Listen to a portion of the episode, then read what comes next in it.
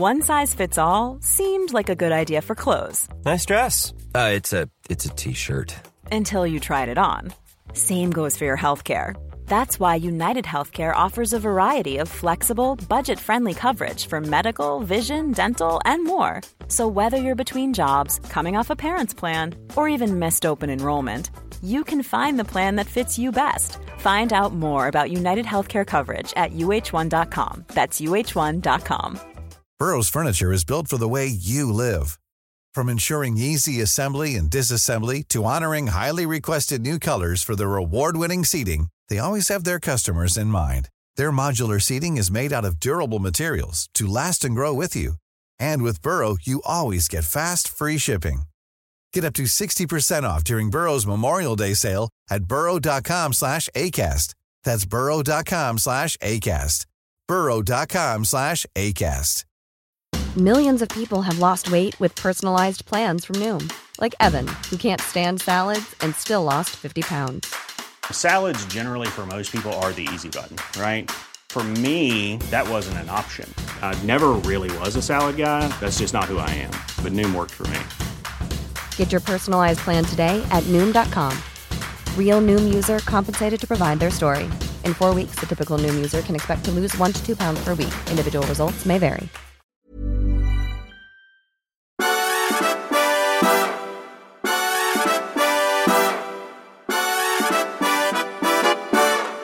God morgon. God morgon på dig. Har du sovit bra? Mm, sådär, jag vet inte.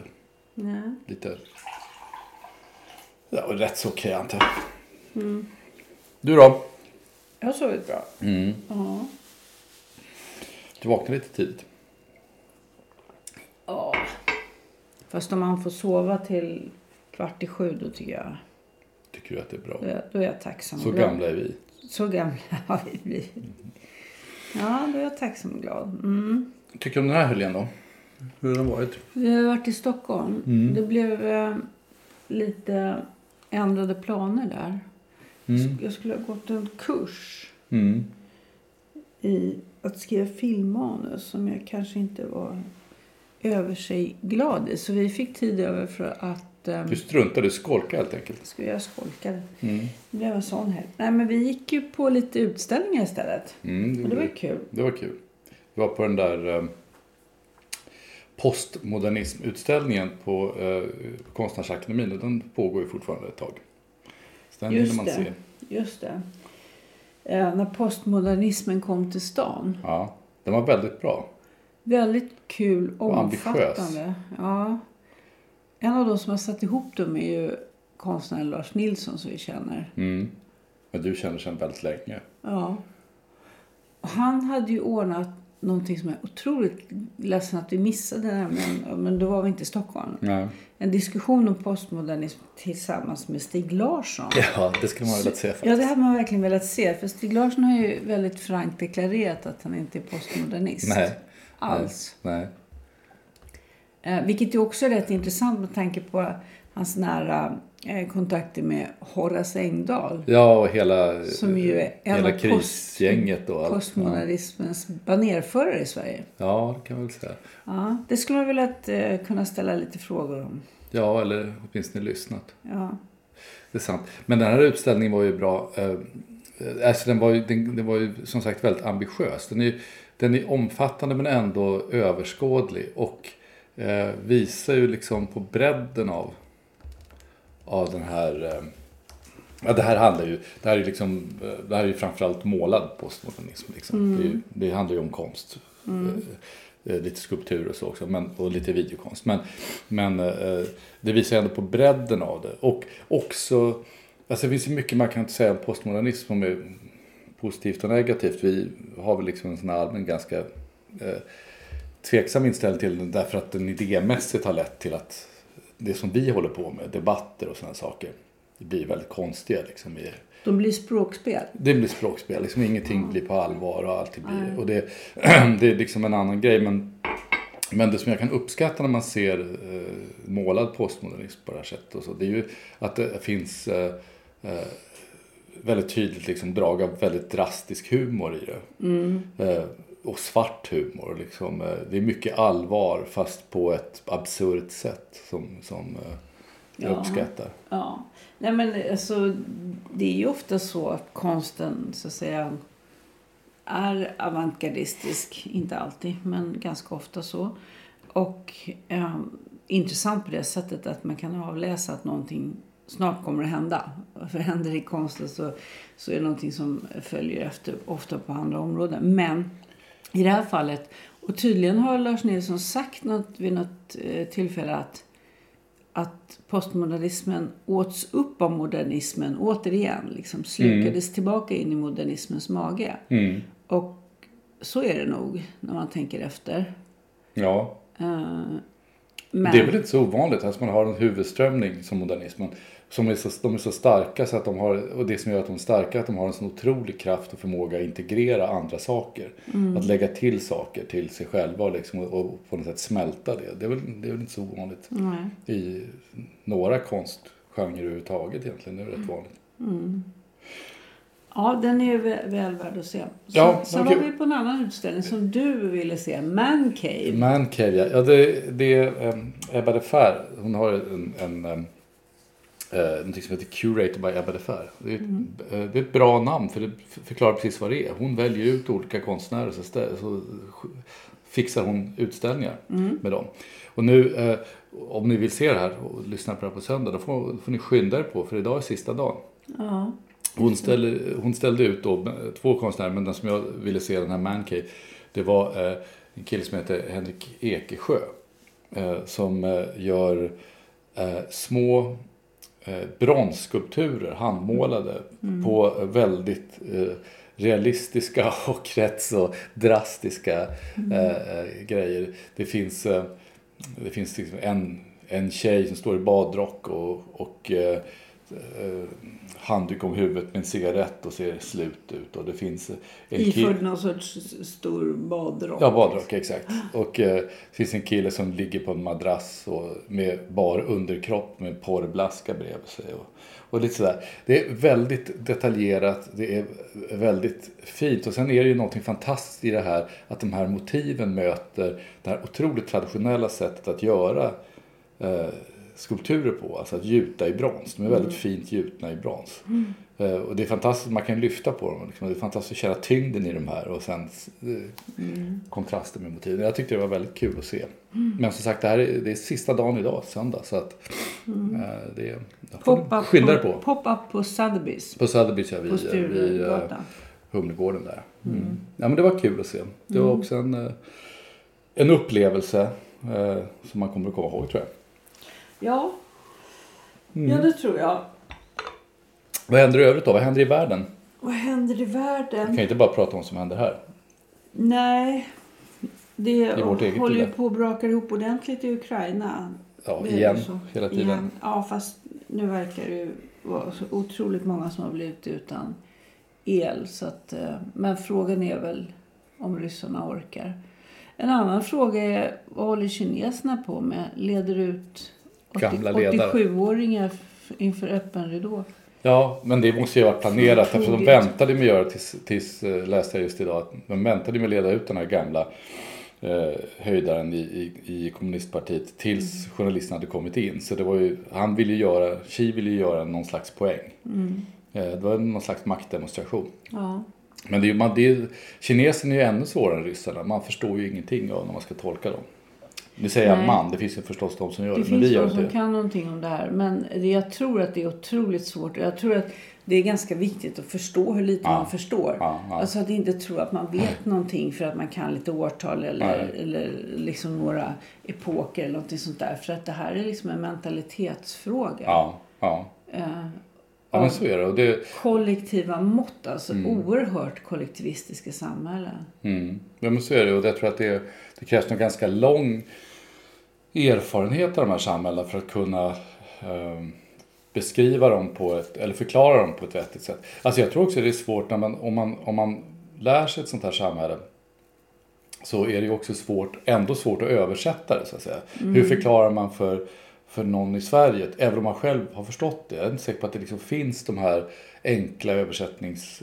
Um, man måste förklara så mycket tror jag för att göra det begripligt. Mm. Vi har Jojo Olsson skriver i Fokus uh, om Kina då och då och han tycker jag är värd, han har ju blivit han har ju skrivit så bra om Kina att han kan inte bo i Kina längre. Han måste ju, okay. han måste ju vara i Taiwan. Mm. Uh, men, men han har ju uh, han har, tycker jag, en sån där förmåga att förklara vad som faktiskt sker.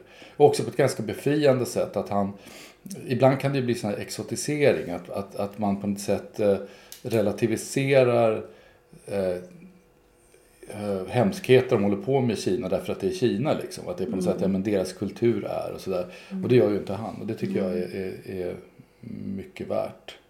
Men det är väl också den diskussionen som man kan ha om Ryssland för att man mm. kan ibland slås av hur diktatoriskt landet är styrt. Och ja. så en känsla av att det inte finns någon opposition. Mm. Men den här gången med anfallet på Ukraina, det kriget, så har man ju, tycker jag, fått en annan bild av att det faktiskt finns mm. ett sorts mm. motstånd mm.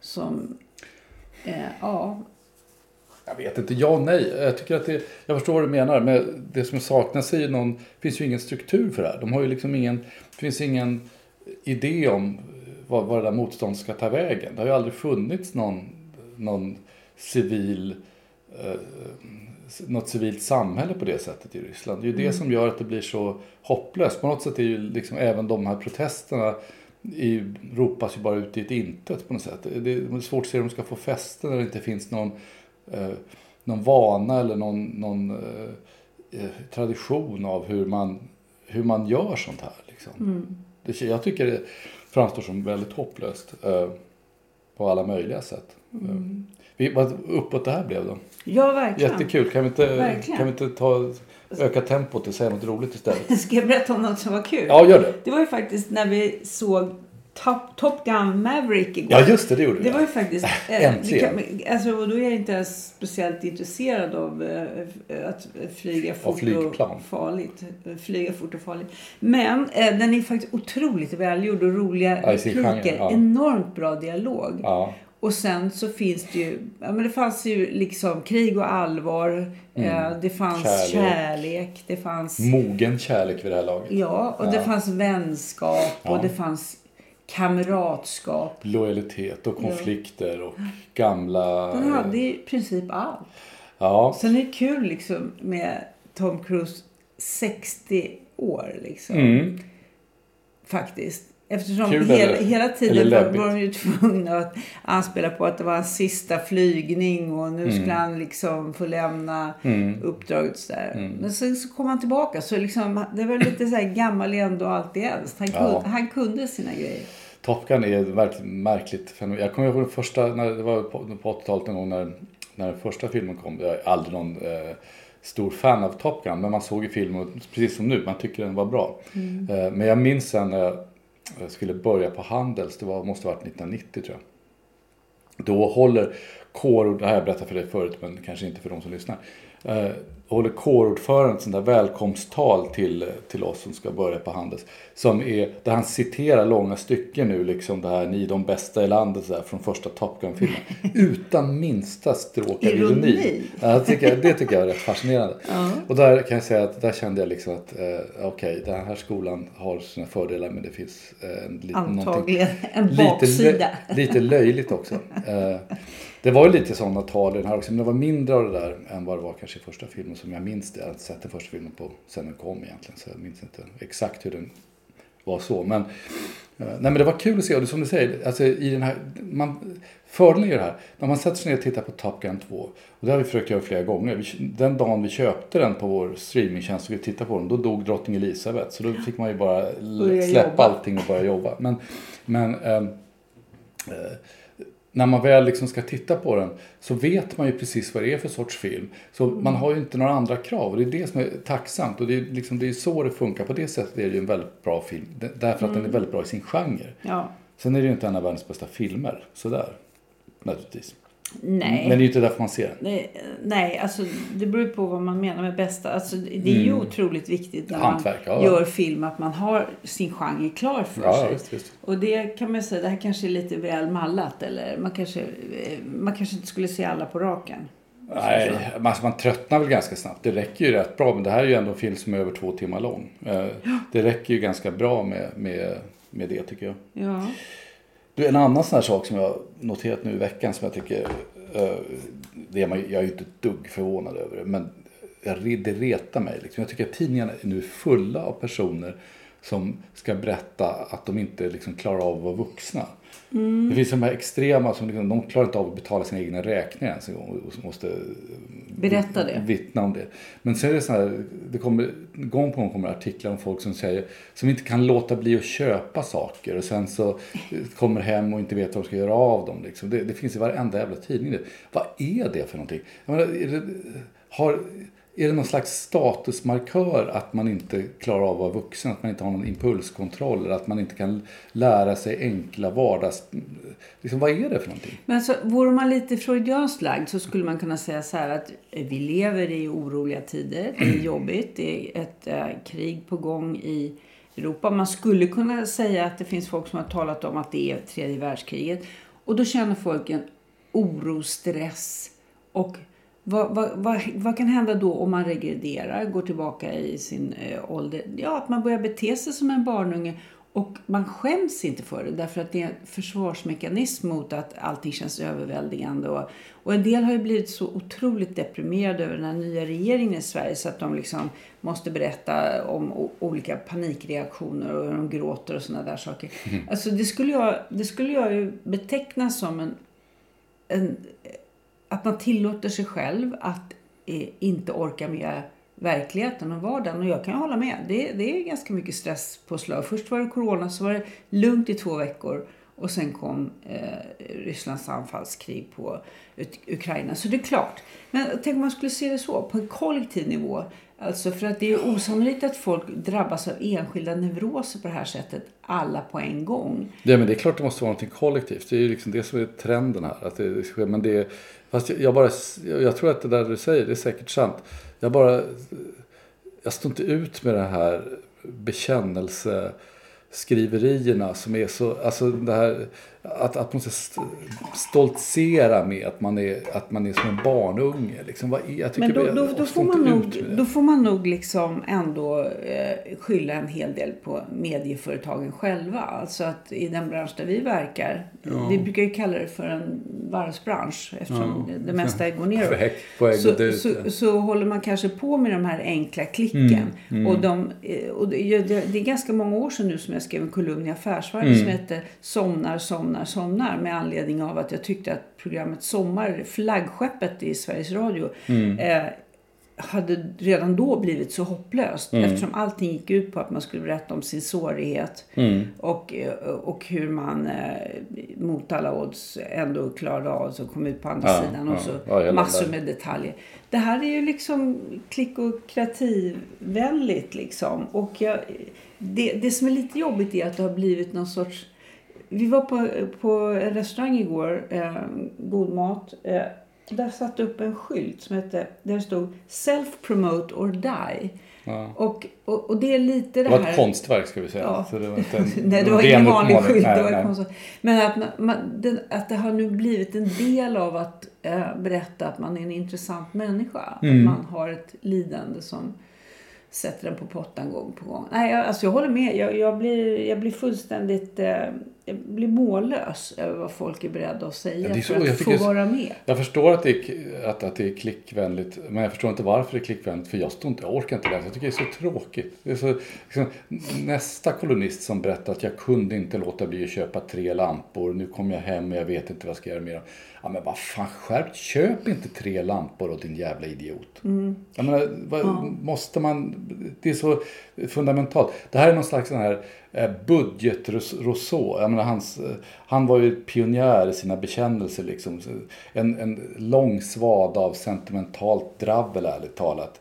Eh, och som, som satte liksom tonen för, eh, för den dåliga sidan av romantiken. Och det här på något sätt är någon slags epa-Rousseau.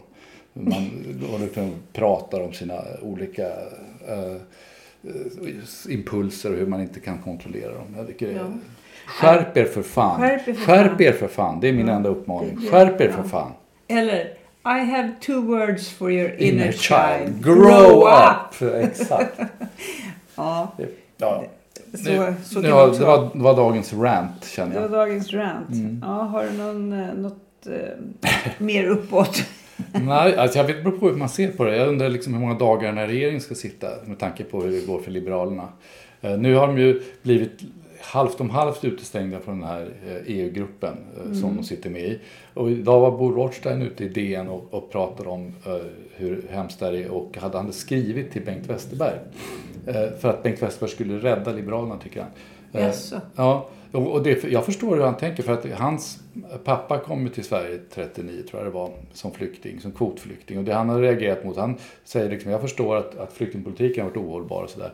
Och att vi skulle inte ha öppnat gränserna som vi gjorde 2015 och så. Men kvotflyktingar är en annan sak och ska man ska börja, eh, ska börja stänga igen för dem så är det orimligt. Sådär. Ja, men det, det, det är ett helt eh, legitimt resonemang liksom. Men jag, jag ser bara hur den här pressen på Liberalerna nu börjar bli Eh, alltså, sossarna behöver nästan inte göra någonting. Där de klarar av det här själva. Att, att, att, eh, jag tror att den här regeringen är, hänger på en skör tråd kan jag säga. Redan, redan första veckan. Ja, låter lite tråkigt. Jag vet inte, det, är, det här är politik. Ja, jag vet. Men pol- politiskt kaos behöver vi inte så mycket Nej, mer men av. kaos, jag vet inte, det är ju inte, det där är så överdrivet. Liksom, det här är en del av demokratin, att det rör sig i parlamentet. Och nu har vi en situation i en politisk situation som är sån att det är svårt att få majoriteter och då måste liksom något nytt verka fram och det kommer att ta lite tag. Det är en del av demokratin. Det är inte liksom, samhället går ju inte under. Nej, men vad bra. Då är du ganska nöjd. De flesta- Det här nu har man tryckprovat, trycktestat demokratin. Nej, men jag är inte nöjd, men, men, men jag bara, man måste ju liksom acceptera. Man kan ju inte hålla på och, och säga att så fort demokratin är igång så är det ett problem. Fa- Fast liksom. vi har just haft ett val och vi skulle behöva en regering som sätter igång och göra lite grejer nu. Ja, det är sant. Fast man kan ju samtidigt säga att nästan alla problem vi har är skapade av politiker. Så att det, det är lite grann eh, en förhoppning att de sen ska lösa dem. Det, jag vet inte. Jag brukar säga, det som jag brukar säga, jag, jag tycker inte det är så svårt att den här regeringen bildas. Eftersom jag, jag röstar ju inte så jag förlorar ju alla val. Ingen, ingen regering tillträder som jag har valt. Du Så att, står på den förlorande sidan. jag står alltid på en förlorad sida. Så jag är väldigt van vid det. Jag är inte ett dugg chockerad av det. Utan eh, det, det är, det är som också det en ska del vara. av demokratin. Ja, jag tycker det. Jag tycker att jag... Man behöver inte rösta. Nej, och man behöver inte... Man, det, jag, tycker, jag övar mig att vara förlorare. För det vet jag att det, i det här avseendet kommer att vara det hela livet. Jag tycker det känns bra. I många andra avseenden också. Ja, kanske. Hela livet knows? är ju en Who sorts förlorarspel. Ja, jo, det, alltså det, jo, man förlorar ju till slut. Ja. Det, så är det ju. Det är ju eh, och det kanske vi ska tänka Fast- på idag. För att idag är det söndag. Ja, Det är en sån dag när man ska tänka på sånt. ja det ska man göra. Mm. Ja. Tycker vi slutar på den. Trevligt. På den trevliga. Med döden. Vi slutar med döden. med Han är bra som så mycket Jag annat. avgår med döden. Ja. Jag går med döden. Det är bra. Ja, men det gör vi. Och sen så... ehm, Då jag- får jag säga tack till dig. Jag ska, jag ska börja tacka varandra nu också. Det var en ny grej. Tycker jag, inte. jag tycker att vi, eh, vi vi hörs i veckan. Ja. Vi hörs när vi syns. Smell you later som hon Vi säger. ses när vi råkar. Ja det gör vi. Ja. Ja, hej.